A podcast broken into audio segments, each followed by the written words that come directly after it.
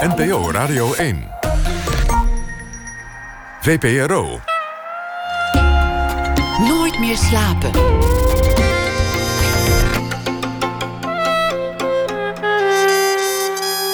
Met Pieter van der Wielen. Goedenacht en welkom bij Nooit meer slapen. Freddy T. zit tegenover mij. Ooit zei je misdaad, dan kwam meteen de naam van Fredje T. boven. Je kon geen misdaadkatern openslaan of je zag zijn foto en zijn naam. Drugszaken, bendeoorlogen, voor strafrechters was hij geen onbekende. Een paar jaar geleden was ineens uh, groot nieuws dat Fred buschauffeur was geworden.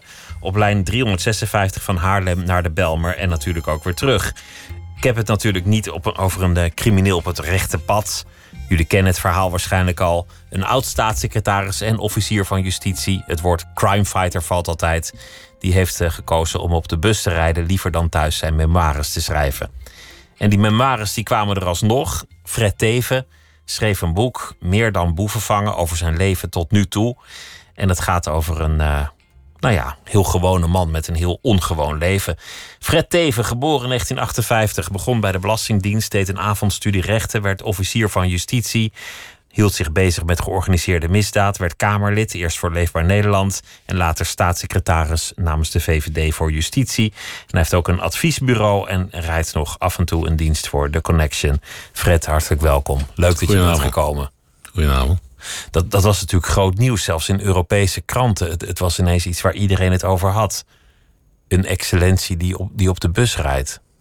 Had je dat voorzien toen je het ging doen? Van, oh, er komt natuurlijk een moment dat dit in, in de krant komt. Ja, dat, dat, dat had ik wel. Dat, daar, daar hoefde je niet heel lang voor hebben doorgeleerd om dat uh, te snappen. Dus dat, dat snapte ik wel. Maar uh, wat, wat wel bijzonder was, is de snelheid waarmee het eigenlijk bekend werd. Uh, hoe groot het werd. Ja, en ook wel hoe groot het werd. Ik bedoel, het, is, het was toch wel ik, ik, ik, ik, reed drie dagen op de bus en toen... Uh, toen was het al nieuws? Toen, toen werd het nieuws en toen stonden er ook uh, een aantal cameraploegen, het Nationaal, RTL. Uh, nou, iedereen stond op het stationsplein in Haarlem.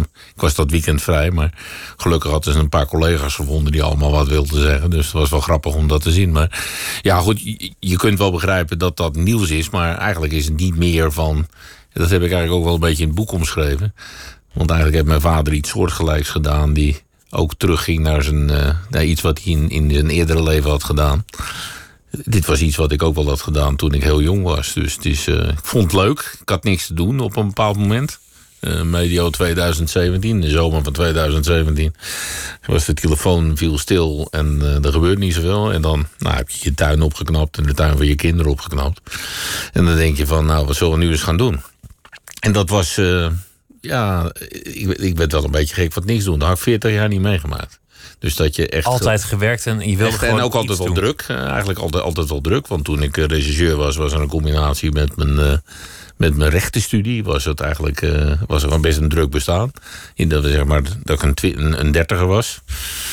Um, twintiger, dertiger was. Toen heb ik gestudeerd. En in de avonduren. Nou ja, als je later officier van justitie wordt, is dat ook een, best een drukke baan. Zeker als je in die, die zware georganiseerde misdaadbestrijding werkt. En ook in de politiek is het natuurlijk best druk. In, dus altijd werk, in de oppositiepartij moet je gewoon hard rennen om, uh, om, om aandacht te krijgen. Want normaal genomen hebben we toch regeringspartijen... die hebben gewoon meer aandacht dan een oppositiepartij. Dus je moet dan ook echt wel momenten pakken... en, en, en veel in, in beeld zijn. Want ja, mensen kunnen niet op een partij of op een persoon stemmen... die ze niet kennen. Daar begint het in feite mee in de politiek. Als niemand je kent, dan, ja, dan ben je een leuke ambtenaar. En dat hoor je ook wel eens in de Tweede Kamer... dat daar 120 mensen zitten waarvan als je hier buiten loopt in Hilversum Heijn, dan zeg je ken je die of die, dan zullen ze van 120 zijn mensen zeggen ik, ken absoluut niemand.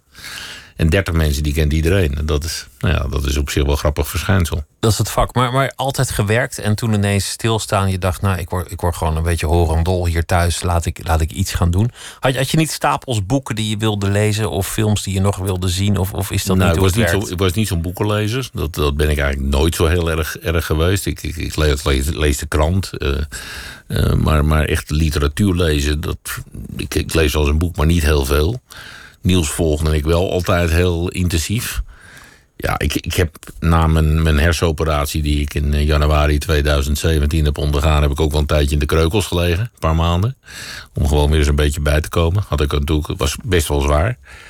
Ja, en dan loopt op een gegeven moment alles anders dan, dan voorzien. En dan besluit je in mei 2017, nou, we gaan maar eens een andere weg inslaan. Bedrijf oprichten. Ging ook, liep ook niet in het begin. Gunfactor was eh, echt uh, niet groot. Dat snap ik op zich ook wel. Na Want alle, alle media die er is afgetreden en een slechte pers gehad, et cetera. En dan... Ja, en dan bedoelt helemaal niet zoveel toe of dat terecht of niet terecht is. Dat, het beeld is, is dan meer bepalend dan de feiten en de omstandigheden.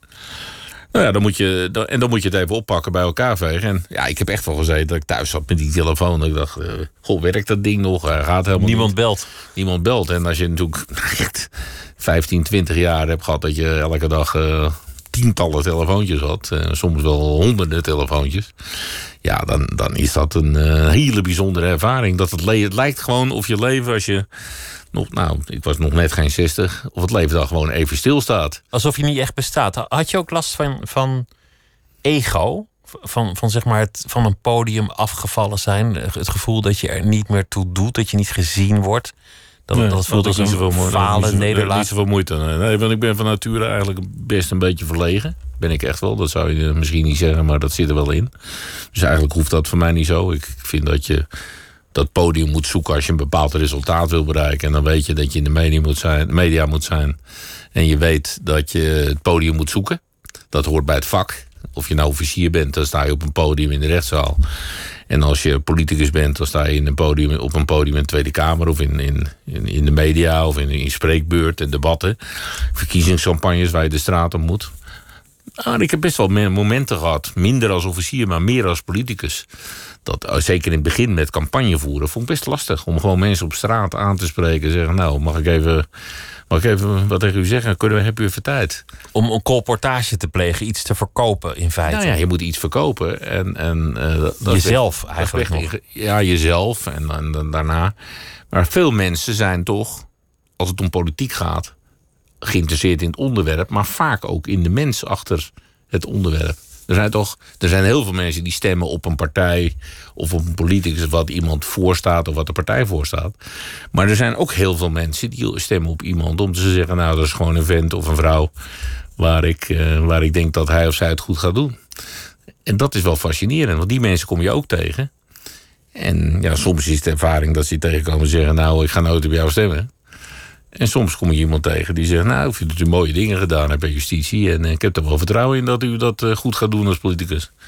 En ja, je moet proberen die balans een beetje naar het positieve te laten doorslaan. Inderdaad, iets verkopen op straat. Maar ik heb nooit het idee gehad dat je actief werkte aan een imago, zoals heel veel politici nee, natuurlijk wel gedaan. doen. Nee, ik heb gewoon, uh, ik ben eigenlijk altijd, ik, ik heb wel een beetje begrepen. Uh, en dat was eigenlijk ook in het vak wat ik daarvoor deed, uh, in, in de rechtszaal, in de opsporing.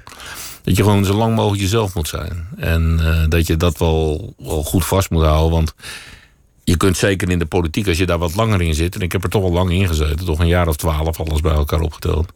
Je kunt niet twaalf jaar toneel spelen. Je kunt niet twaalf jaar iemand anders zijn dan je werkelijk bent. Dus je moet op een gegeven moment...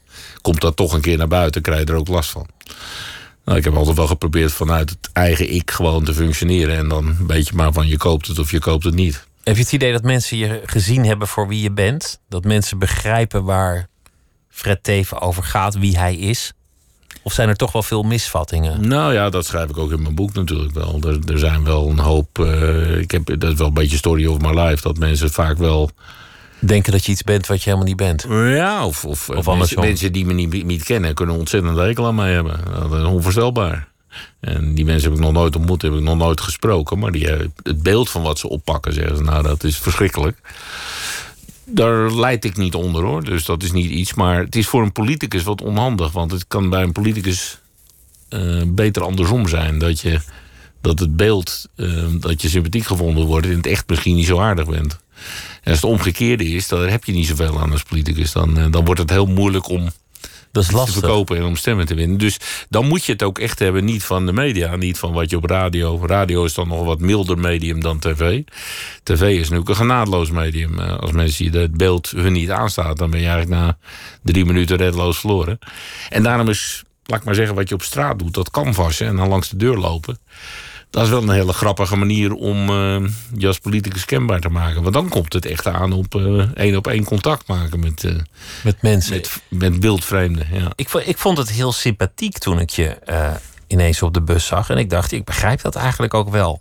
Het, het is, als je dat leuk werk vindt, is het leuk om bezig te zijn. En het, en het geeft ook aan dat je, dat je je niet te goed voelt voor wat dan ook. En dat je gewoon eh, doet waar, waar je zin in hebt. En ik had het idee dat eigenlijk de meeste mensen dat wel vonden. Ja, die bus, dat- die bus, dat was... eh, er zijn mensen die zeggen, nou, het even, haalt weer een kunstje uit... en is bezig Nou, dat is wel, wel zijn een, reputatie te herstellen. Want dat was... Dat was een arbeidsintensief kunstje zou dat dan zijn. Ja, maar dat, dat was het ook helemaal niet. Het was gewoon, eh, doe waar je zin in hebt. Je hart een beetje volgen op dat moment. En ik heb het ook, ik vind het heel leuk. Ik, ja, nu rijd ik even niet door, door nou wat ik net zei, door corona eh, gedoe. Eh, maar ik vind het heel leuk om dat, eh, om dat te doen. ik heb het ook even vijf dagen in de week gedaan. Dat was best intensief. Maandje of twee, twee drie maanden heb ik het eh, in het rooster gedaan. Ja, dan maak je ook alles wel mee. Maar ik heb dat ook al aan collega's gezien op, op de bus. collega buschauffeurs. Die dachten, ja, hoe lang blijft deze man? Die is na drie maanden weer vertrokken. Maar toen ik na tweeënhalf jaar nog steeds op de bus reed... toen dachten ze van, nou, dat is een blijvertje. Want hij vindt hij vindt het dus echt leuk. Wat is er zo leuk aan? Ja, het is gewoon fascinerend. eh, ik Dat je iedereen in die bus krijgt. Wat, wat ook niet ja, waar is dat, trouwens. dat, maar ook, ook al zit er helemaal niemand in die bus, is het ook nog wel leuk. Want dan, dan rij je met een ontzettend groot voertuig. Rij je zo een stukje langs de lantaarnpaal in Haarlem. En, eh, en, en dat is best fascinerend om, om met zo'n groot voertuig over de weg te gaan. eh. En als het een beetje waait en je rijdt bij Schiphol over de A9 heen op die brug boven de ringwaard. En dat waait de windkracht 8. Nou, dan, moet je dan, dan, gaat die, dan, dan gaat die bus helemaal dit doen, weet je wel. Die gaat een beetje, een beetje de, moet de snelheid eruit halen. Lijkt me Dus- trouwens leuker zonder Het is dus helemaal, het is helemaal niet zo eenvoudig. En op zondagavond, moet ik eerlijk zeggen, als je laat op de zondagavond rijdt... Ja, dan heb je heel vaak uh, rijden een bus met één, twee of nul mensen rijden in de ronde. Uh, ja, dan is het openbaar vervoer niet zo vol meer na 11. En dat, uh, dan wordt het gauw minder. Ik heb altijd de neiging verkeerd af te slaan, zelfs op routes die ik goed ken. Wat, voor een buschauffeur volgens mij heel lastig is, dat je dan ineens. Ja, dan moet je wel een afslaat. beetje een oelebapper zijn hoor. Als je, als je op zo'n lijndienst zit en je, je rijdt daar dan al een jaar in. Als je het dan nog voor elkaar krijgt om verkeerd te gaan, dan, dan ja, dat wordt wel erg dom. Maar ik moet eerlijk toegeven, dat is wel grappig dat je het zegt. Ik moet eerlijk toegeven, ik heb in het begin, toen ik op die bus reed. Heb ik wel eens gehad dat ik uh, per ongeluk. Uh, toen zat ik uh, even te denken, mijn aandacht schoot weg. Toen ben ik wel eens met uh, waar ik af had moeten slaan, ergens bij een ziekenhuis in Haarlem, uh, bleef ik op de busbaan zitten richting, uh, richting Vijfhuizen. En ik dacht, oh, dat gaat helemaal verkeerd. Ja, dan, en dan moet je allerlei capriolen uithalen. En dan, nou, zeker als je net rijdt, is dat, word je daar heel zenuwachtig van. Straatje keren in zo'n veel te lange bus. Ja, of op een busbaan keren met een hele lange bus, dat lukt je niet. Met, met zo'n 21 meter bus keren op een busbaan, dat gaat echt niet. Met allemaal boze passagiers achterin. Ja, ja wat doet u nou?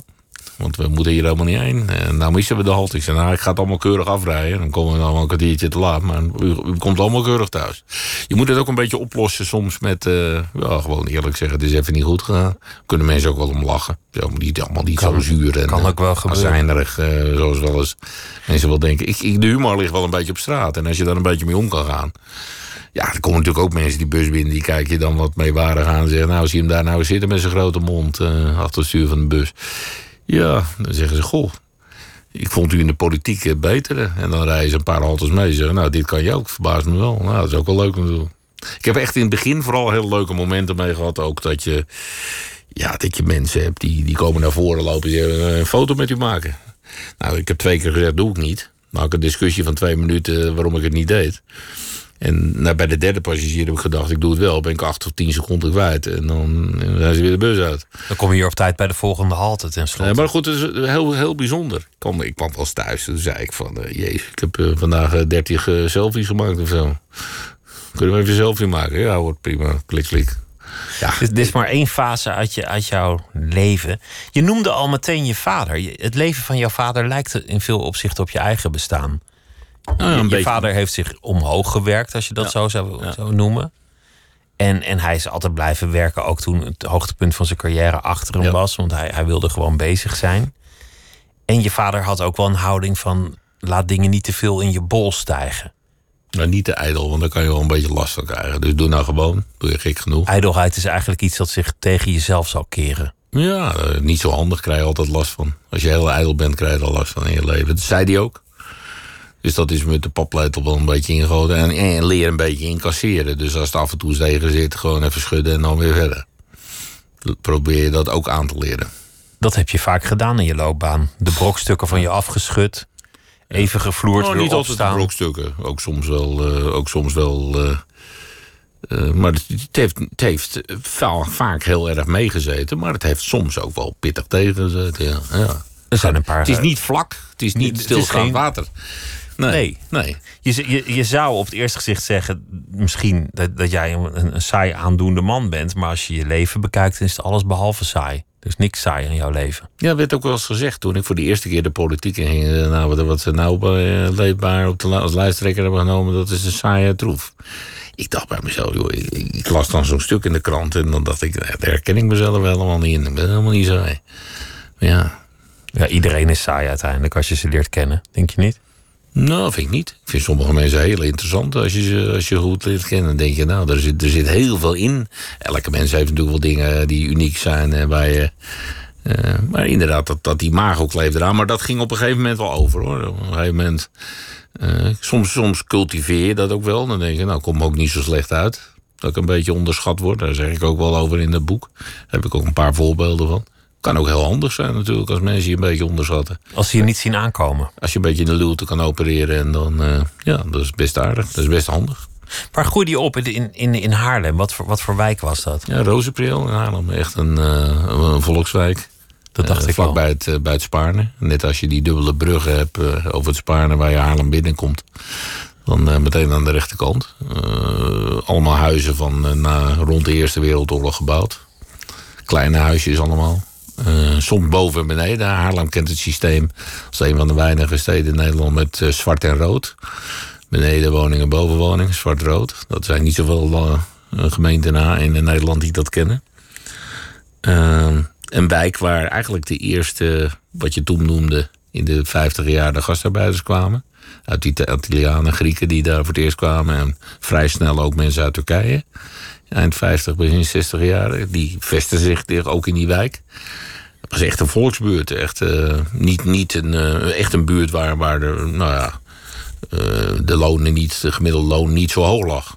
Dus dat is wel, wel, wel fascinerend om in zo'n wijk op te groeien. En je vader ging een opleiding doen, was aanvankelijk meubelmaker, werd later ja. kwam die bij de drukkerij te werken. En jij hebt dat hetzelfde gedaan. Je begon heel jong bij de Belastingdienst als, als een niet briljante HAVO-leerling. Deed je toch in de avonduren een rechtenstudie. En, zo ja, dat is later. Dat is, eh, eind 20 ben ik daarmee begonnen. en uiteindelijk werd je officier van justitie. En, en dan al vrij snel komt het, het woord dat toch het meest aan jou zal kleven van alle woorden: crime fighter. Eigenlijk gaat jouw loopbaan over een, een soort omslag. Waar, waarbij Nederland van een heel softe rechtsstaat. Een, een land werd dat de serieuze misdaad echt serieus ging aanpakken. En echt ging zoeken naar nieuwe methodes om, om die boeven te vangen.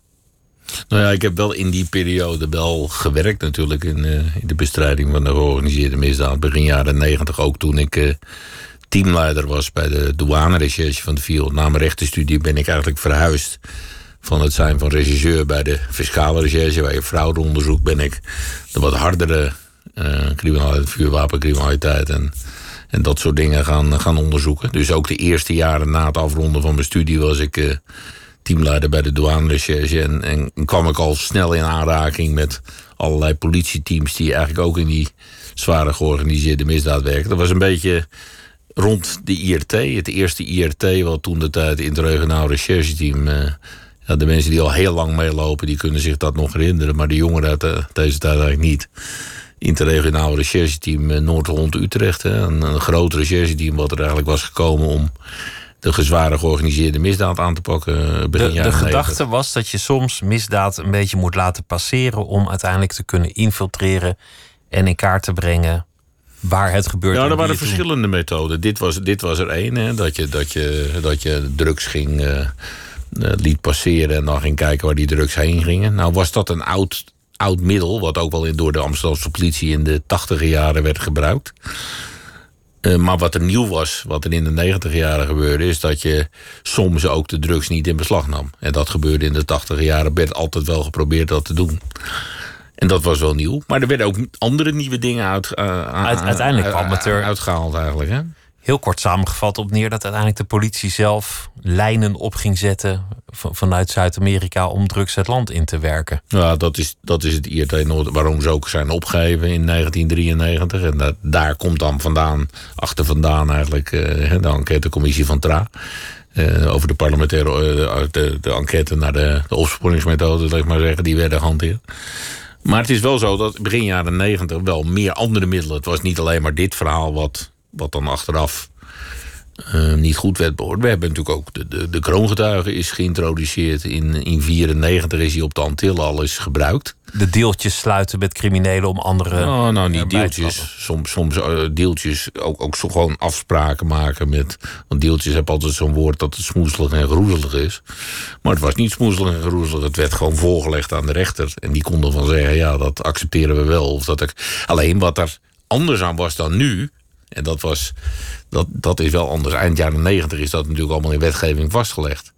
En, en wij hebben in die jaren geopereerd. Wij, zeg ik, een aantal andere collega's natuurlijk uh, bij het OM, maar ook in de politie. Jaren waar het niet in de wet stond. Dus je was aan het kijken, wat vindt de rechter nou goed?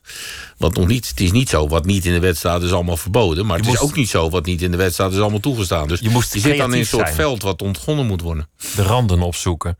Is, is het eigenlijk ja, de zo... randen. Je zit in een veld wat niet ontgonnen is. Waar uh, je gaat dingen doen die in Amerika en Italië en, en een aantal andere landen in, uh, in, uh, in Europa, in Duitsland werd ook wel gewerkt met kroongetuigen, maar in, vooral in Italië werd natuurlijk gewerkt met kroongetuigen. In Amerika was het, in de Verenigde Staten was dat natuurlijk al een veel uitgekristalliseerder opsporingsmiddel.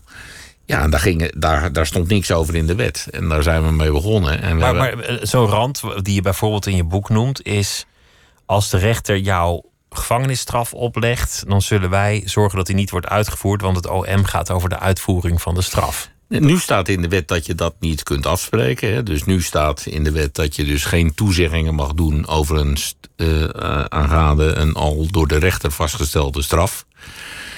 Uh, dat stond natuurlijk allemaal niet in de wet. Maar er stond in de wet dat, dat je rechtelijk, er stond in de, recht, in de wet dat je rechtelijke vonnissen moet, moet uitvoeren. Maar er stond niet in de wet dat je uh, wel of niet afspraken kunt maken over ga je daar nou mee door of ga, ga, je dat uitvoeren of ga je dat niet doen. Dat stond er niet in. Nou daar is wel duidelijkheid over gekomen. Die duidelijkheid is ook gekomen in die jaren tussen zeg maar nou, 93 en 98. Toen hebben we heel veel rechtszaken gehad waar dat soort dingen, of heel veel, een groot aantal rechtszaken gehad waar dat soort dingen aan, aan de waren.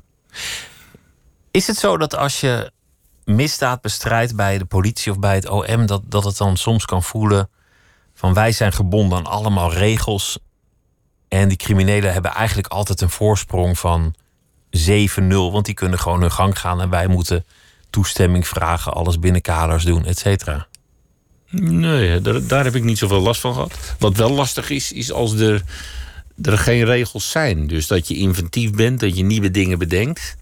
Waarvan je dan, als je daarmee naar de, de zittingszaal gaat, dat je niet weet hoe uiteindelijk de eerste rechter in eerste aanleg en de hoge beroeprechter en de Hoge Raad er uiteindelijk over gaan denken. Dat is wel spannend. Je kan het niet inschatten, want het staat niet in de wet. Het staat niet in de wet. En je gaat iets voorleggen. En, en dan kom je bij, uiteindelijk bij de rechter die zegt: Nou, dat is binnen de Nederlandse rechtsstaat toelaatbaar of dat is niet toelaatbaar. En dan, dan heb je te maken met transparantie. En je hebt te maken met uh, iemand die bijstand moet hebben van een advocaat. Als je met iemand afspraken gaat maken, staat nu in de wet dat een advocaat hem moet adviseren en bijstaan. Als hij afspraken maakt met de overheid. Nou, dat, dat, dat is tegenwoordig vinden we dat allemaal heel normaal. Maar dat was toen natuurlijk helemaal niet. Wij, wij gingen afspraken maken met iemand die helemaal geen bijstand had in eerste instantie van een advocaat. En dan lees je in Amerika, eh, dan lees je Amerikaanse jurisprudentie door en dan en Italiaanse jurisprudentie, want zo gaat het dan. En dan ga je kijken, ja, wat, waar moeten we nou rekening mee houden? En, en zo ontwikkelt zich dat een beetje. En Uiteraard doe je sommige dingen meteen goed. Dus dan, dat, dat, want dan volg je de lijn zoals bijvoorbeeld in Italië wordt gedaan. Die volg je ook in Nederlandse rechtszaken. En dat wordt geaccepteerd. Maar soms gaan er ook dingen niet goed. Niet omdat je ze vergeet, maar omdat je denkt dat past niet in het Nederlands systeem. En dan zegt de rechter later, ja, dat moet je anders doen. Ik vind het wel fascinerend. Ik heb het altijd heel fascinerend gevonden om aan de hand van buitenlandse rechtszaken, jurisprudentie, uitspraken die daar zijn geweest. Te kijken wat hier Duitsland, mogelijk is. Italië, eh, eh, Verenigde Staten waren toch onze voorbeelden, want daar gebeurde dat. Om in die negentig jaren dan te pionieren en kijken, nou waar zit nou wat de Nederlandse rechter wel aanvaardbaar vindt en waar zeggen ze van nou ja, dit is niet goed gegaan, maar we vinden de belangen zo groot dat we wel doorgaan met de zaak. Dus de OM mag wel doorgaan met de zaak. Maar het moet de volgende keer anders. Dat, dat heb je ook natuurlijk wel eens. Dat, dat Was, was dat ook de reden om, om uiteindelijk de politiek in te gaan? Omdat je die wetgeving miste? Nee, de reden om de politiek in te gaan is toch wel een andere. Eh, ik heb natuurlijk los van de bestrijding van georganiseerde misdaad ook wel eh, criminaliteit gehad. Zowel in de georganiseerde misdaad als in gewone misdaad. Waar het ging om de rechten van slachtoffers en nabestaanden in het strafrecht. En nou, het is toch langdurig natuurlijk ook in Nederland zo gewoon dat het strafrecht er voor de verdachte is. Eh, en, en dat de slachtoffer een, een, eigenlijk sinds 95 is die positie toen in de wet gekomen van het spreekrecht. En dat heeft zich gaandeweg ontwikkeld. Maar dat vond ik wel een, een positie waar te weinig aandacht voor was. En als je dat wil veranderen, dan lukt je dat niet in die organisatie waar je dan werkt. Maar dan zul je ook eh, de politieke moeten gaan. En, en daar had ik een beetje mazzel mee, omdat eigenlijk in, de politiek. ehm, ehm, dat een onderwerp is waar je niet zo gauw tegen kan zijn. Er is eigenlijk of je nou een partij bent de linkerzijde van het spectrum of de rechterzijde van het spectrum. Je kan er eigenlijk niet zo goed tegen zijn dat de rechten van slachtoffers worden verbeterd in Nederland. Iedereen staat wel aan de kant van de slachtoffers uiteindelijk. Eigenlijk wel. En, en dan is het eigenlijk verbazingwekkend dat die, die verbetering van die positie, dat dat eigenlijk pas de laatste twintig jaar echt gestalte heeft gekregen. Hoe kan dat als iedereen ervoor was? Ja, eh, toch de algemene opvatting dat strafrecht. ehm eh, strafrecht richt zich op de verdachte. Zowel in de opsporing als in de vervolging. Dat is, zo was het in de tachtiger jaren. Zo was het in het begin van de negentiger jaren. En dat heeft zich gaandeweg. eh, maar het is. Kijk, bijvoorbeeld om, om een voorbeeld te noemen. Iedereen vond het eigenlijk heel normaal dat de ouders van die kleine kinderen in die misbruikzaak van die meneer Robert M. dat die ouders konden spreken. Maar dat was helemaal niet zo normaal. Die ouders hadden helemaal niet eens een spreekrecht. Slachtoffers hebben een spreekrecht, maar de ouders van minderjarig kind die slachtoffer is geworden in een zedenzaak hadden geen spreekrecht. Dus is, er zijn heel veel slagen gemaakt. Niet alleen door mij, ook door mijn voorgangers eh, in de politiek en ook degene die na mij zijn gekomen. Maar ik heb daar wel een versnelling aan kunnen geven. En ik heb het zeker in de jaren 2005, 2006, 2010, tijdens het vierde kabinet Balkenende, heb ik daar in de oppositie natuurlijk eh, ja, wel geprobeerd de VVD ook daar een beetje een gezicht te geven als oppositiepartij. En ja, dat waren toch, toch dingen die mensen wel aanspreken. Zo, daders verdienen straf, slachtoffers moeten worden geïnformeerd over het verloop van de strafzaak. Slachtoffers moeten hun schadevergoeding kunnen innen. Er waren wel mogelijkheden tot schadevergoeding, maar om het geld dan daadwerkelijk ook op je rekening te krijgen als, als je beroofd was van je telefoon en niemand werd veroordeeld, dat was vervolgens heel ingewikkeld. Nou, nu helpt de overheid je mee. Anno 19, 2020 zegt de overheid, ik ga eh, jou helpen. Via het incassobureau. Heb je nou na al die jaren werken in de misdaadbestrijding en in de politiek eigenlijk het idee dat dat strafrecht heel veel oplost? Want, want je hebt op een aantal punten, doe je daar wel uitspraken over in je boek, die, die er een beetje een soort twijfel aan lijken bloot te leggen. Want, want in wezen zijn het natuurlijk bepaalde groepen die altijd in het strafrecht terechtkomen. Je begint klein en je wordt groter. Sommigen houden op en sommigen groeien door. Maar, maar uiteindelijk zijn het maatschappelijke problemen die je misschien niet echt kunt oplossen met het strafrecht. Hoe, kijk je daar tegenaan? Ja, ik denk dat normhandhaving eh, dat dat de belangrijkste functie is van het strafrecht. Dat je de, de, de algemene norm, normen van wat wel en niet mag, dat staat in het wetboek. En die normhandhaving, dat is de functie van het strafrecht. En daar zit er dan natuurlijk de, de, zeg maar, eh, de vergelding zit daarin als doelstelling. De vergelding voor degene die wat wordt aangedaan. Dat is bij drugsdelicten natuurlijk een heel andere component dan bij echte slachtofferdelicten, zoals zedenmisdrijven en levensmisdrijven. Dat is een heel ander verhaal. Eh, de generale preventie. Als, als de rest van de samenleving ziet dat er iemand als voorbeeld wordt gesteld, dan laat je het uit je hoofd om dat delict ook te begaan. Eh, maar ook de individuele preventie. Mensen die. Je ziet toch wel dat als mensen een paar keer achter elkaar vast hebben gezeten, dan. Natuurlijk zijn er doorgroeiers, die trekken zich nergens wat van aan. Maar er zijn toch ook wel mensen die, als ze uitgeraasd zijn, begin, begin 30 en er komen een gezin en krijgen kinderen, dan zie je wel dat de criminaliteitscijfers zeg maar, van de veel voorkomende criminaliteit, daar zeg ik in het boek ook iets over, die, eh, die lopen dan terug. Dat is ook een doel van het strafrecht, dat je mensen ontmoedigt om weer over de ja, normen te gaan eh, te overschrijden. Alleen die normen die, die zijn wel helder. En er zijn natuurlijk een heleboel delicten in het wetboek, daar begrijpen we allemaal van.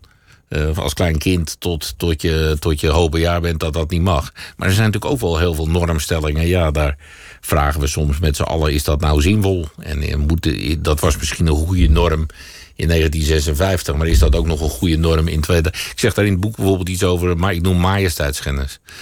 Eh, dat werd in 1956 werd daar heel anders mee omgegaan dan in 2020. Dan, ja, dan zeggen we dat is toch iets wat je civielrechtelijk, als jij het Koningshuis beledigt, mensen van het Koningshuis. Ja, dan moet je dat civielrechtelijk aanpakken. En daar, daar heeft het strafrecht geen functie. Ja, wel als het weer belediging is, want dan is dat weer apart strafbaarheid. Maar majesteitsschennis is dan net een wat lichtere vorm. Dus je ziet ook wel delicten in dat wetboek... die gaandeweg de tijd daaruit verdwijnen. Godslastering is ook zo'n voorbeeld. Dat is ook niet strafbaar. Uh, dat zijn natuurlijk delicten maar, maar het zijn wel, ook nooit worden vervolgd. Maar het zijn wel vaak dezelfde groepen... die uiteindelijk in die gevangenissen komen. Het is, het is een, een tamelijk uh, niet rechtstreekse afspiegeling van de samenleving die je daar ziet. Nou, het zijn natuurlijk ook heel vaak uh, jongeren die, uh, waar in, in, de, in hun jeugd het uh, misgaat. Dat die niet de mazzel hebben dat ze goed terechtkomen. Die stoornissen hebben. Dat komt ook heel veel voor. Zwakbegaafde jongeren die toch ook wel verleid worden tot strafrecht. Verleid worden tot strafbare feiten. Uh, Mensen uit kwetsbare gezinnen, uit ontwrichte Zeker, daar zijn, daar zijn ook heel veel voorbeelden van. Er Integratieproblemen. Er zijn ook wel mensen die ervoor kiezen om vanaf hun zeventiende... om gewoon crimineel bezig te zijn. En dat volhouden tot hun zeventigste. Maar dat zijn er niet zo heel veel. Het zijn toch veel stumpers? Ja, maar niet allemaal. Er zijn ook wel door en door slechte mensen. Die zijn er ook. Kijk je terug met, met trots en voldoening? Of, of heb je ook wel eens de twijfel van... ja, wat, wat doe, wat, wat doe je eigenlijk in het strafrecht? Nou, trots en voldoening. Ik, kijk daarop terug. Ik denk dat is, dat is een zinvolle bijdrage geweest aan de samenleving die je daar doet. Ehm, ik, heb veel gesprekken als officier gevoerd met, met slachtoffers van misdrijven. En ook als politicus met slachtoffers van misdrijven en nabestaanden. Van, uh, die een, een, rol spelen in levensmisdrijven. En, en nou, wat bijvoorbeeld een hele grote winst is van de laatste jaren, is dat oude moordzaken, waar, waar jonge mensen zijn vermoord of je kind is vermoord, dat die zaken nog worden opgelost na 20 of na 15 jaar. Ik, dat vind ik fascinerend. Dat... Vroeger lieten ze die veel meer liggen dan nu nou, lieten we liggen of, of konden we ze niet oplossen. Hè. Was de DNA-techniek gewoon nog niet ver genoeg ontwikkeld om allerlei. Maar ook het grootschalig uh, familieverwantschapsonderzoek. Hè, wat, wat tegenwoordig wordt toegepast om. Als je toch wat DNA-sporen hebt. om dan een grootschalig onderzoek onder vijf of onder 10.000 mensen te doen. zoals in Zuid-Limburg is gebeurd. Om dan een zicht te krijgen op een mogelijke verdachte. Ja, dat waren technieken die er in de. Toen ik begon als officier. dan was dat ja, het was wel DNA, maar dat was niet zo ontwikkeld zoals nu, 27 jaar later. Dus er heeft ook een hele ontwikkeling in gezeten. En ook, ook de computertechnologie, daar zeg ik ook iets over in het boek. Die maakt het eigenlijk dat je veel inventiever om kunt gaan met opsporing. Dat het niet altijd gebeurt, dat heeft soms ook te maken met bureaucratie en het langs heen werken. Dat is iets van alle jaren. Dat... Maar dat is bijvoorbeeld een dossier waar je echt, echt trots op bent. Wat, wat, wat ik leuk vond, ook, ook in je politieke carrière is, is om te lezen dat je, voor, wie net inschakelt, Fred Teven zit hier. Oud uh, officier van justitie, uh, politicus en heel veel, uh, heel veel andere dingen. Het, het ontbreekt je op cruciale momenten echt aan tact. En, en dat nam me eigenlijk ook wel voor je in. Als, als, jij, als jij diplomaat zou zijn, dan, dan bijvoorbeeld, bijvoorbeeld als jij ambassadeur in Buenos Aires was geweest, hadden we nu misschien wel oorlog met Argentinië. Tact, tact is gewoon niet altijd je, sterkste punt? Ja, dat herken ik niet. Want ik denk dat dat dus een. een... Ik ben namelijk heel tactisch. Alleen ik kies er soms voor om rechtuit te gaan waar anderen om de muur heen lopen. En dat heb ik met name. Uh, al, dat is een bewuste keuze. Om, en dat is ook wel een bewuste keuze om dat te doen. Omdat ik ook wel heb gemerkt als de zaken scherp komen te liggen en de belangen groot worden en de media-aandacht bijvoorbeeld op strafzaken maximaal is, dan, eh, dan wordt de druk op iedereen groter. En dan, als je weinig bewijs hebt, laat ik het dan zomaar zeggen dat, er, dat het zo'n hang- en burgerzaak is, hè, waar je als officier mee op zitting staat, dat je denkt, nou, het kan net. Het kan ook net verkeerd uitvallen, omdat het over de, het wettig bewijs onvoldoende is om het ook overtuigend te laten zijn voor de rechter dan is het wel van belang dat de belangen ook groot zijn. Als die belangen groot zijn, dat die, dat die ook kenbaar groot zijn. Ehm, bij, de, bij de bestrijding van de georganiseerde misdaad bijvoorbeeld hebben we. eh, en dat is, dat is de verdienste, daarom heb ik hem ook een aantal keren genoemd deze week. En ook in mijn boek noem ik hem een aantal keren. Ik heb veel geleerd van de voormalige hoofdofficier in Amsterdam. eh, hoe die met media omging. eh, de combinatie die hij met Noordholt had in de driehoek in de negentiger jaren in Amsterdam. Ehm, dat was fascinerend. Want, want door dingen ook publiek te maken in, je, in je werk voor de publieke zaak, eh, zie- kijkt iedereen mee. En Maar er, er was een, je kreeg een nieuwe eh, baas, eh, eh, de Wijkersloot. En jij ging in de krant zeggen: hij moet niet denken dat, dat er heel veel aan onze methode gaat veranderen. Jij ging Nee, eigenlijk in ik de. niet. Wat zei je dan? Ik, ik zei van, hij zei van de tijd van crimefighters is geweest. En het moet allemaal wat magistratelijker worden. Eh, want want eh, magistratelijk zou dan niet zich verhouden met crimefighter. Dat zat toch een beetje in die... Het moest wat chiquer worden, vond hij eigenlijk. Nou, dat woord heeft hij volgens mij niet gebruikt. Maar hij gebruikte altijd het woord magistratelijk. Terwijl ik dacht van je kunt aan de ene kant gewoon effectief zijn in de misdaadbestrijding. En aan de andere kant hoeft dat niet meteen niet magistratelijk te zijn. Was het handig om meteen Ik heb wel eens een advocaat eh, tegengekomen die zei in de media, dat is misschien wel een leuk voorbeeld, die zei ja, Teven, dat is een soort bulldozerofficier. Die, schept, die rijdt met een bulldozer rijdt hij een berg met feiten en omstandigheden binnen. En dan schept hij zoveel mogelijk op. En dan valt er hier en daar wat af. Maar aan het eind van de rit komt er dan heel veel in de laadbak terecht. Waar het tot de veroordeling komt. En eh, dat vond de Wakerstoot eh, de toenmalige voorzitter van het college PV, die, die, die zei: Ja, volgens mij moeten we niet op die manier werken. We moeten, moeten dat, dat gepolijster doen. Dat is misschien het goede woord. Maar is, het- is het dan handig om, om naar de krant te gaan met zo'n meningsverschil met in wezen je baas? Nou, het is niet een meningsverschil. Het, eh, ik, ik zei toen op het parket, volgens mij- is onze tijd gekomen. Want dit, gaat, ja, dit wordt allemaal heel ingewikkeld. Ik denk dat het ergens in eh, 2003 was of zo. Misschien ook wel iets eerder. Nee, 2002 denk ik of zo. Voordat ik naar Labour Nederland in de politiek ging. Toen was er volgens mij is onze tijd gekomen. Want ja, dit, dit is echt een andere opvatting... van hoe je de zware georganiseerde misdaad zou moeten bestrijden. Eh, hij heeft dat overigens altijd tegengesproken. En het was inderdaad niet handig om dat eh, op naam te doen. Hè, wat je dan vaak in de media ziet verschijnen is eh, bronnen zeggen dit of dat. En later. Ja, ik dacht, ja, volgens mij moet je soms ook dingen duidelijk maken. Moet je niet. eh, Dan moet Gewoon je, zeggen wat je als vindt Je en- vindt als je nou echt vindt dat dat niet goed is, kan je dat toch wel gewoon zeggen. Ja, dat kan niet. In een hiërarchische organisatie is dat toch gewoon ingewikkeld natuurlijk. In de- in de en dan zeg jij gebrek aan tact. Ja, dat, dat zou kunnen. Ja, dat zou kunnen. Ja. Er, er- er zijn nog wel een paar van die voorbeelden. Bijvoorbeeld in, in de, de affaire die uiteindelijk aan het eind kwam van je, van je carrière. Dat, dat jullie opstelten en jij helemaal nauwelijks overleg hadden over die kwestie. Dat, dat jullie nauwelijks communiceerden. Dat verbaasde mij zo. Ja, ik- dat, dat, dat vind ik een heel ander voorbeeld. Eh, dat, heeft niet zo, dat heeft te maken met politieke verantwoordelijkheid. Eh, minister Opstelten, Ivo Opstelten, was verantwoordelijk voor wat, eh, wat er in de negentig jaren en begin van deze eeuw in Amsterdam was gedaan bij het Openbaar Ministerie. Gewoon de normale politieke verantwoordelijkheid voor het handelen van het Openbaar Ministerie. Waar ik dan in dat, in dat OM waar hij verantwoordelijk was, die rol had. Ik was als staatssecretaris niet verantwoordelijk voor, eh, voor mijn eigen handelen. Daar was de minister verantwoordelijk voor. Dat was ook tegelijkertijd het probleem. En, en ik Je zat dat- daar in twee rollen in. in nou ja, ik zat er dus niet in twee rollen, want ik heb ervoor gekozen om die ene rol als officier, die heb ik, ja, die, eh, Dat die- was het verleden, dat moest er verleden, daar heb ik ook niet over gesproken. Ik zat er als staatssecretaris. En, nou ja, goed, dat blijkt ook uit het rapport van de commissie Oosting. Dat ik op enig moment wel heb gezegd: ja, volgens mij liggen de feiten anders. Dat is op een gegeven moment is dat wel de orde geweest. Maar ik denk dat in die zaak zich gewoon wreekt dat de Tweede Kamer in eerste instantie de feiten niet juist gepresenteerd heeft gekregen. En het is zowel, zowel opstelde, Ivo opstelt als ik kijken daarop terug en zeggen: ja, dat hadden we beter moeten doen. Ik had bijvoorbeeld, ik noem dat voorbeeld ook, zelf in de auto moeten springen. Tegen de mensen moeten zeggen: ik ga dat, ik ga dat betalingswijs leven zoeken. Dan had ik het gewoon zelf gevonden.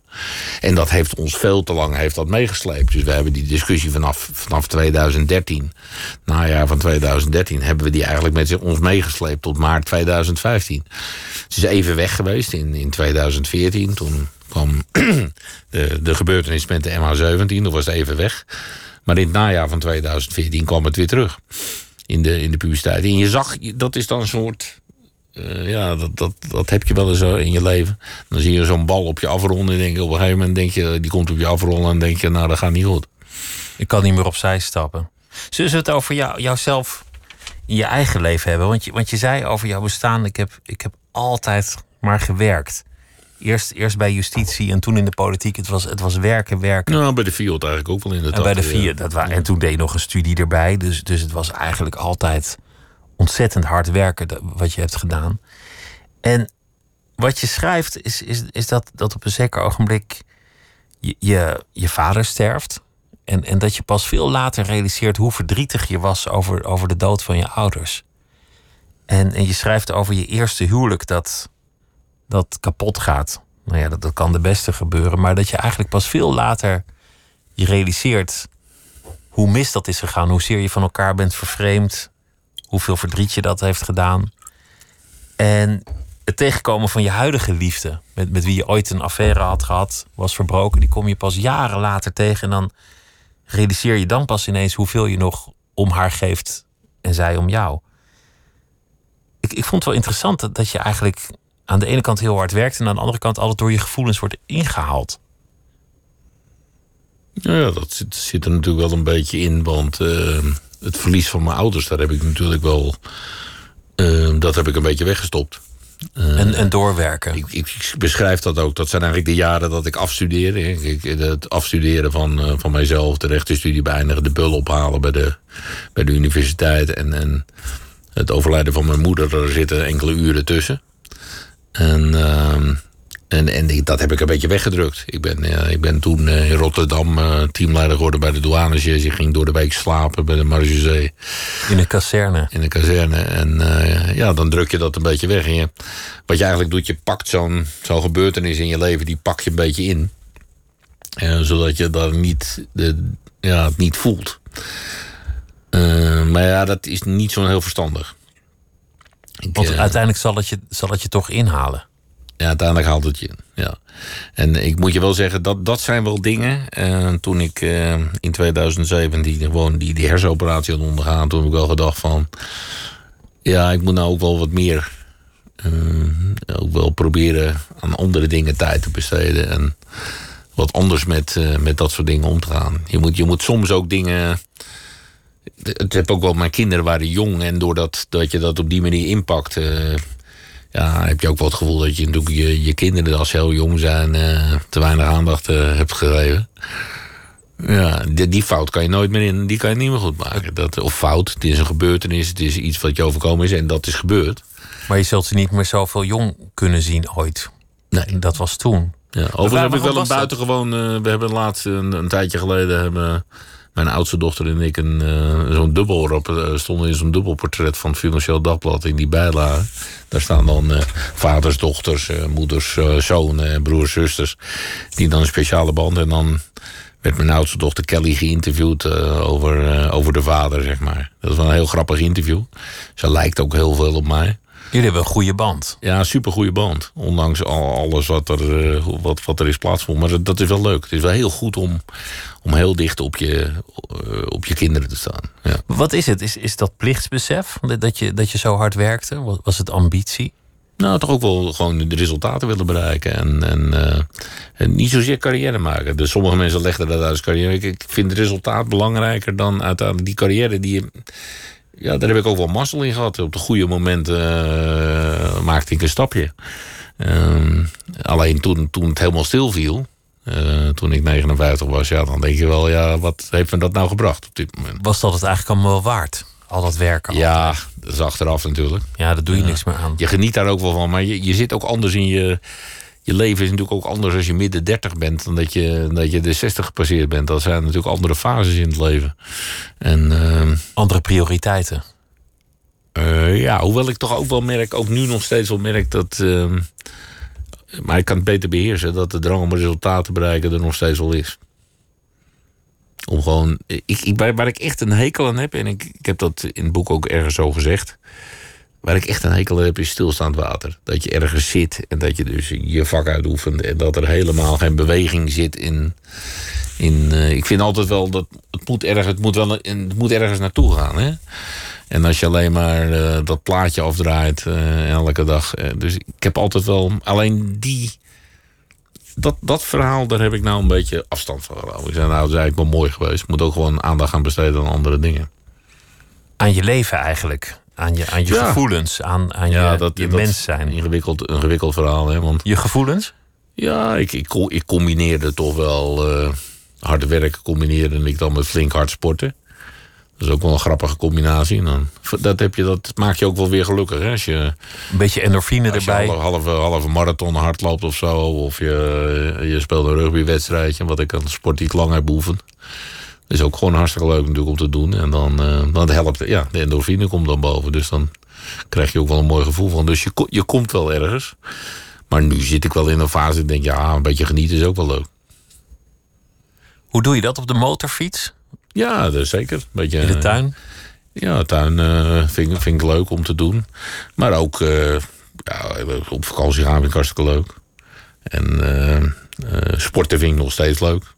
Ik zit nou in zo'n hardloopgroepje. Dat is wel grappig. Ik ging alleen hardlopen, want dat, eigenlijk, het slaat heel goed aan bij jouw vraag. Ik ging vaak alleen hardlopen en dan was mijn tempo te laag. Dan had ik altijd zoiets en denk ik, jezus, ik ben natuurlijk ook een oude vent. Maar dan dacht ik, nou, Voelde je dan een oude vent? dacht- ja, maar ook het tempo lag zo laag dat ik dacht, nou ja, dit, dit stelt eigenlijk nauwelijks meer wat voor, dat gejok. Dus ik ben op een gegeven moment een, eh, een half jaar geleden, een jaar geleden, met zo'n hardloopgroepje begonnen in het dorp. Ja, dat is super gaaf, want dan, dan word je gewoon opgejaagd. En dan loop je met, eh, met 15 of 20 man. En dan moet je gewoon mee. En eh, ja, wat ik dan. Ik, een paar weken geleden moest ik er zelf om lachen, want dan probeer ik toch nog weer voorin te lopen. Weet je wel. Dan denk ik, eh, nou, want dan loop je met alle leeftijden. Hè. Dan loop je van, eh, van 30 tot en met 60 met elkaar. En dan heb ik toch nog wel een neiging dat ik dan voorin het groepje wil lopen. Weet je, om mee te gaan voorin. En dan denk ik, ja, dat hoeft dus niet. Je kan ook gewoon een beetje. Maar die, die competitie zat er Die altijd wel in. competitie-element zit er altijd in. Ik heb ook nog Willen zelf, winnen. Ja, zelfs als ik, als ik ga sjoelen op dit moment. eh, we hebben een, een, eh, een, eh, een beetje een sjoelcompetitie. Eh, mijn, mijn dochter die, die zit nu voor wat langere tijd... heeft ze in Duitsland gewoond vanwege corona bij de vriend. Kon ze niet naar huis toe. Dus hebben hadden we een sjoel, ik had een sjoelbak geleverd aan, aan de vriend van mijn jongste dochter. Die Duitsers weten natuurlijk absoluut niet wat sjoelen is. Dus die vonden het hartstikke gaaf. Dan staat er dus een sjoelbak ergens in het zuiden van Duitsland. En er staat er eentje bij ons thuis. En dan doen we zo'n competitie. En nou, de meeste mensen zullen zeggen, nou, dat is hartstikke leuk. En je gooit een paar van die stenen. Maar ja, als ik dan eenmaal sta te gooien... Ik, ik heb altijd wel, ja, winnen vind ik ook wel leuk. Dat, heb- dat zit er nog steeds een beetje in.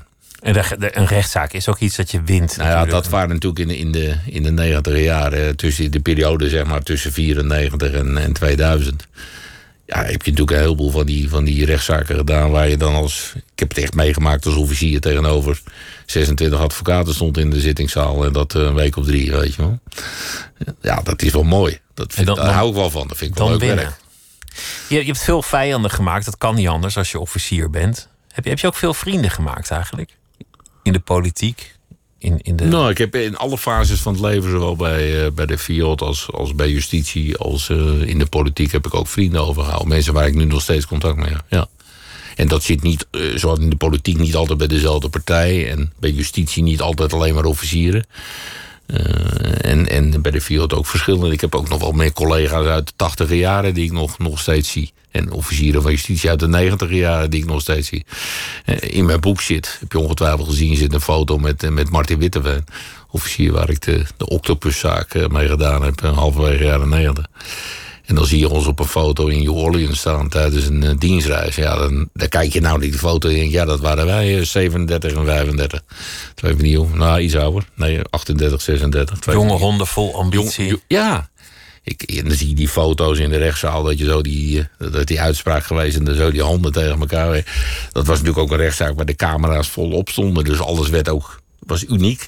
Wat was dat het, bordje, moment het bordje van... laten zien van eh, schat, ik Schat, kom, ik wat, kom wat later Ja, thuis dat was vanaf. dat bordje. Ja, dat, dat, dat haalt nu nog de pers eh, 25 jaar later. viel niet bij iedereen in goede aarde. Nee, maar goed, het was ook natuurlijk wat anders dan normaal. Dat hoort ook allemaal niet, hè? Dat hoort niet. Dus alles wat niet hoort, dat moet je niet doen. Ja, dat, dat, dat is, vind ik altijd nog wel lastig. Het hoort niet. Je vriendin, je, je, jullie verbraken jullie affaire om uit elkaar te gaan. Omdat het niet hoorde eigenlijk ook. Of omdat het niet kon op dat moment. En jullie zijn, zijn heel veel jaren later elkaar pas weer tegengekomen. Dat, dat, dat is ook wel Ja, stom wonderlijk. toeval. Puur toeval. Ja, stom toeval. Er zit geen e- echte 23 jaar geen enkel contact. Dan, dat hebben jullie destijds toch, toch gemist. Dat, dat jullie misschien toch meer om elkaar gaven dan jullie dachten. Ja, naar die ontdekking zijn we nu gekomen, ja. Dat haal je nooit meer in die jaren. Of, of is er dan toch een soort drang van... Nou, we die- hebben het ook wel eens over, ja. We hebben wel Ja. een hoop... eh, we hebben het wel onszelf wel onwijs moeilijk gemaakt. Dat zeiden we laatst ook nog. eh, Ja, ja. Had u Maar ik dat heb, maar niet, ik heb niet in die 23 jaar steeds het idee gehad... dat ik het nou ontzettend moeilijk had of zo, hoor. Dat, dat niet. Maar Nee, nee, natuurlijk niet. Als je, nee, want je, je ziet er niet. Je bent eruit. Het is het, is het feit dat, dat, eh, dat collega opstelde tegen mij zei... ik kan niet eh, morgen in, eh in Maarsen die toespraak houden voor die gemeente Amara. Kan jij hem overnemen? Ik zei, nou stuur die, stuur die toespraak maar, dan ga ik er wel in. Zo gaan die dingen. En dan ga je daarheen en dan kom je er tegen. Ja, hoe, wie kan dat bedenken? En toen bleek het allemaal nog in- intact. Je had het over je hersenoperatie. Je hebt ook, ook een auto-ongeluk gehad. Ja. Allemaal goed afgelopen. Nou, Maar je bent een beetje aan één, één oor is geloof ik wat minder. ik toch? ben volstrekt doof van een hoor. Ja. Nee, ik, ik bedoel, ik, ik had heel, echt wel behoorlijke aangezichtspijn. En dat hebben meer mensen, weet ik wel. Maar dat werd bij mij zo erg dat ik ja, heel veel medicijnen moest nemen... en nauwelijks meer kon functioneren. Ik heb al gehad dat ik eh, in 2016 in de Tweede Kamer stond... en dat ik moest zeggen tegen de voorzitter... tegen Ariep van... eh, of tegen Noeska van Mildenburg... het gaat even niet meer, ik moet even stoppen. Nou, tegenwoordig stoppen er allemaal mensen natuurlijk achter de spreekgestoelte. Er gebeurt, er gebeurt tegenwoordig wel meer, maar dat was, ja, dat was verschrikkelijk. Heel veel pijn. En ja, op een gegeven moment heb ik gedacht, nou ja, dan moet het maar. En ik weet nog heel goed, eh, hij had niet zoveel tijd. Er was niet zoveel tijd. En toen zei hij tegen mij, hij zegt, nou, ik heb nog één plekje. Dat is op vrijdag de dertiende. Ik zeg, nou ja, ja, doe maar. Hij zegt, ja, ik geloof ook niet in zwarte katten en eh, onder ladders lopen. Ik zeg, nou, ik ook niet, dus doe het maar op vrijdag de dertiende. Hij zei, ja, er zit wel een risico in die operatie, want het moet heel dicht bij die oorzenuw. En moet daar geopereerd worden. Dus, dus het kan ook fout gaan. Een beetje, eh, ja, kan alle kanten op. Ik zeg, nou ja, doe maar. En ja, dan word je wakker. En dan ja, merk je al vrij snel van... eh, goh, ik heb 58 jaar met twee oren gehoord. Maar nu is er één. En dan moet je even leren, dat moet je even mee leren omgaan. Dat is best, best gewoon lastig. Ik denk als je hele leven één oor hoort, dan, dan word je zo geboren. En dan is het anders dan dat je. Dat je dus dat, dat vond ik lastig. Maar niet onmogelijk. Dan moet je, ja, dan moet je gewoon aanleren. Maar het is lastig gewoon met vergaderen. Als je een vergadering moet voorzitten. En je moet overal goed nadenken waar je gaat zitten. Je moet tegen mensen zeggen: joh, je kan wel links in mijn oor staan. Er waren ook wel mensen die ons in het restaurant bedienden. Of eh, ook, wel in de, ook, ook wel in mijn huidige werk. En eh, die wisten het niet. Die gaan links van me staan gaan ze in mijn oor staan praten. En denken ze dat ik arrogant ben en ik niet luister. Ja, ik hoor het gewoon. Ik hoor gewoon niks. Maar je zei van tevoren, ik ben, ik ben niet een enorme muziekliefhebber. Wat ik wel weer grappig vond. Dat je dat, je dat zei van, ik, ik ben niet zo'n muziekliefhebber, dus nou ja. Nou ja, dat is ook gewoon de waarheid. Het is ook echt. eh, ik bedoel, als de muziek gedraaid wordt bij ons thuis, eh, dan komt het van, eh, van mijn partner. En dat was bij de andere partner ook. En die daarvoor ook zo. Dat is eigenlijk in 40 jaar niks veranderd. Ik vind het wel leuk, maar ik, ik zal zelf. Wat, weet je wat ik aanzet op zondagmiddag langs de lijn? Dat vind ik leuk. Als die voetbalwedstrijden zijn en af en toe een plaatje tussendoor, dat vind ik leuk. Maar Vind ik ook leuk. je hoeft mij niet een uur muziek te laten luisteren. Daar word ik niet gelukkig van. Heb je, heb je in die fase dat je dan een ongeluk hebt gehad en, en dat je dan je carrière eindigt en je memoires schrijft, al teruggekeken op, op je bestaan? Want, want ik zou zeggen, een wonderlijk leven, een avontuurlijk leven. En je hebt er, je hebt er wel echt tot nu toe uitgehaald wat erin zat, zeker op professioneel vlak. Hoe, hoe kijk je zelf daar eigenlijk op terug? Ja, ik heb er op professioneel vlak denk, ik- denk ik het maximaal uitgehaald. Eh, ik schrijf ergens van, nou, ik had wel minister willen worden. Daar heb ik al een beetje pech mee gehad, twee keer. Uh, toen Nou ja. 2002 als 2010 had ik daar een beetje pech mee. maar je bent in de buurt gekomen. Maar heel dicht in 2002 was ik heel dicht in de buurt. En 2010 eh, was ik misschien, dacht ik zelf dat ik dicht in de buurt was, maar was ik toch wat minder dicht in de buurt. Ehm, dat geeft op zich ook niks, want eh, van de Roze PL, ik zeg dat ook ergens eh, deze week, van de Roze PL naar staatssecretaris is ook een heel eind. Nou, dat is ook zo. Dat is echt zo. Je bent opgeklommen in, in dit bestaan. En op persoonlijk vlak, want, want ik, ik praat Ja. eigenlijk met een ex-workaholic, geloof ik. Ja, ik denk dat je, dat je daar gelijk aan hebt. Ehm, ja, op persoonlijk vlak eh, heb ik periodes gehad dat ik hartstikke gelukkig was. Maar ook wel wat mindere, mindere periode, ja, dat het allemaal wat minder eh, eh, lekker ging. Dat, Maar- dat is overigens niet zo heel lastig geweest, want dan ging ik altijd nog een tandje harder werken. En dan had ik er ook niet zoveel last van. Gewoon dan maar werken. Het was, het was in die zin eigenlijk soms, soms ook misschien een vlucht.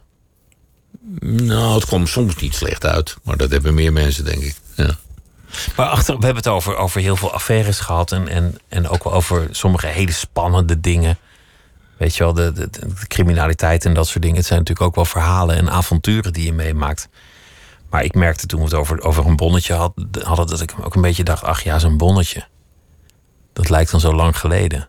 Ja, het is vijf jaar geleden. En voor mij is dat echt een afgesloten verhaal. Maar heb, heb- is dit allemaal waard geweest? Altijd maar werken. Was het allemaal even Ja, ik ben wel dankbaar. Ik ben wel dankbaar voor, eh, voor, die, eh, voor die 40 jaar bij de overheid. Ik heb daar wel, denk ik, alles uitgehaald. En eh, ja, dan, dan kan je altijd denken dat het nog meer in gezeten. Maar ja, het is- zo is het ook een mooi. En op het moment dat je daar vrede mee hebt, en dat is bij mij nu echt zo. Ja, dan, dan worden ook andere dingen weer makkelijk. Want ik zit nou in die private sector. Hè. Ik, eh, ik werk nou, behalve dat, eh, dat ik veiligheidsadvies geef... is toch de hoofdbaan op dit moment een beetje dat ik... eh, in public affairs zit bij een lobbyingbureau. En dat ik daar sinds 1 mei managing partner ben. Bij mij is een Holla in Haag. En ja, dat is wel fascinerend werk. Dus ik zit eigenlijk wel weer een beetje in die politiek. Maar ik zit ook in die private sector. Ik probeer, kan je allerlei teksten over ophangen. Maar eigenlijk probeer private belangen en publieke belangen probeer je een beetje bij elkaar te brengen. En dat is ook wel fascinerend werk. Ik zal niet zeggen dat het deal is, want dat is het niet. Maar het is wel als consultant, als bemiddelaar opereren. En dat heb ik wel vaker gedaan. Ook bij de overheid. Als je een groot opsporingsteam op moet zetten... en je moet allemaal rechercheurs uit diverse disciplines bij elkaar krijgen... om dat resultaat te gaan boeken... moet je ook een beetje mee, een beetje mee dealen en een beetje mee wielen... Hoe, hoe je die mensen met elkaar goed laat functioneren. Dat vind ik wel interessant aan het leven. Om, om mensen bij elkaar te brengen en een resultaat te boeken. Dat vind Want, ik want wel... geld interesseert je geloof ik niet enorm, toch? Want je, je reed toen, toen je een ongeluk kreeg in een Peugeot 205 uit 1997 of zo. Nou ja, 1990. Nog erger. Ja, dat is echt verschrikkelijk. Maar, Maar- het was een leuk autootje, dus het was een toenmalige partner was niet blij mee dat ik hem in elkaar rijd. Maar goed, ze zeggen altijd zakkenvuller tegen politici, maar dat is volgens mij hier niet echt aan de hand als je in die auto rijdt. Nee, maar ik, ik, ik heb geld kijken en ik moet ook wel zeggen, natuurlijk word je altijd wel rijker als je 40 jaar bij dezelfde partner blijft. Dat is ook waar. Als je twee keer uit elkaar gaat, dan moet je ook Kost niet ook rijk. weer geld. Dat kost echt geld. Ja, dus dat moet je ook niet te veel doen. Als je heel rijk wil worden, moet je dat niet te veel doen. Nou ja, dat is een goede, goede les ook weer. Dat is wel een adviesje ook. Te laat voor jou. En voor mij ook trouwens. Voor Wie niet. Fred, dank je wel dat je langs wilde komen. Fred Teven. En het eh, boek dat heet Meer dan boeven vangen. En ik wens je ontzettend veel eh, plezier in alles wat je verder nog gaat doen in, eh, in je leven. Dank je wel. Graag, graag gedaan. De tijd ging lekker snel om. Vond ik ook. En zometeen eh Miss Podcast en morgen Lisbeth Staats in gesprek met eh, de sekszusjes Christa en Marcelle Ariens. Die hebben een eh, nieuw tv-programma. Goeienacht.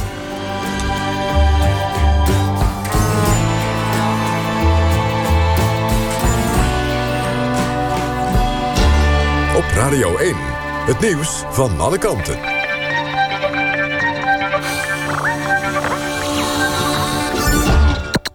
NPO Radio 1.